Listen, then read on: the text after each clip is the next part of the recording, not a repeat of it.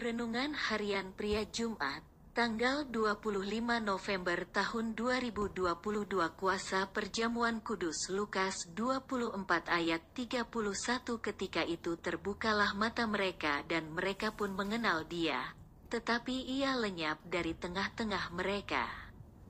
Dua orang murid-murid Yesus yang sedang dalam perjalanan dari Yerusalem ke Emmaus, bertemu dengan Yesus, tetapi mereka tidak mengenalnya. Mata mereka, tentunya mata rohaninya tidak dapat mengenali Yesus yang sudah bangkit dari kematian itu. Ketika menjelang malam mereka tiba dan Yesus masuk bersama-sama mereka ke dalam rumah. Dan Yesus mengambil roti dan mengucap berkat, lalu memecah-mecahkan roti itu serta memberikannya kepada mereka. Pada saat itulah, mata rohani mereka terbuka dan mereka pun mengenal Yesus. Akan tetapi ia lenyap dari tengah-tengah mereka. Ada sesuatu yang luar biasa terjadi ketika Yesus memecah-mecahkan roti di hadapan mereka. Mata rohani yang tertutup dapat terbuka dan melihat lagi. Untuk melihat perkara-perkara rohani dari Tuhan, Anda dan saya harus mempunyai mata rohani yang dapat melihat. Jika tidak, maka kita tidak akan dapat melihat perkara-perkara rohani. Agar supaya mata rohani kita dapat melihat perkara-perkara rohani, maka kita dapat melakukan memecah-mecahkan roti seperti yang Yesus lakukan. Memecah-mecahkan roti itu dapat menggambarkan perjamuan kudus. Perjamuan kudus bukan hanya sekedar acara keagamaan saja, tetapi merupakan titik kontak dan tindakan iman untuk kita mengalami kuasa kebangkitan Yesus. Jadi setiap kali kita makan dan minum perjamuan Tuhan, kita sedang terhubung dengan kuasa kebangkitan Yesus. Refleksi diri, apa yang firman Tuhan katakan kepada Anda? Bagaimana kehidupan Anda dengan firman Tuhan itu? Catat komitmen Anda terhadap firman Tuhan itu.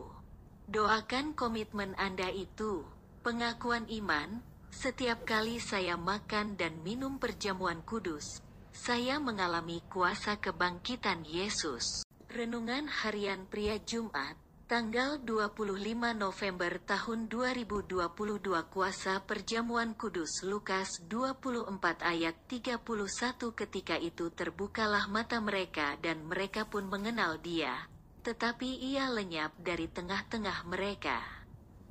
Dua orang murid-murid Yesus yang sedang dalam perjalanan dari Yerusalem ke Emmaus bertemu dengan Yesus, tetapi mereka tidak mengenalnya. Mata mereka, tentunya mata rohaninya tidak dapat mengenali Yesus yang sudah bangkit dari kematian itu. Ketika menjelang malam mereka tiba dan Yesus masuk bersama-sama mereka ke dalam rumah. Dan Yesus mengambil roti dan mengucap berkat, lalu memecah-mecahkan roti itu serta memberikannya kepada mereka.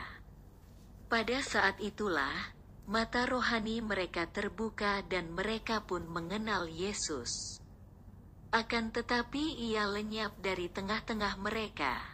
Ada sesuatu yang luar biasa terjadi ketika Yesus memecah-mecahkan roti di hadapan mereka.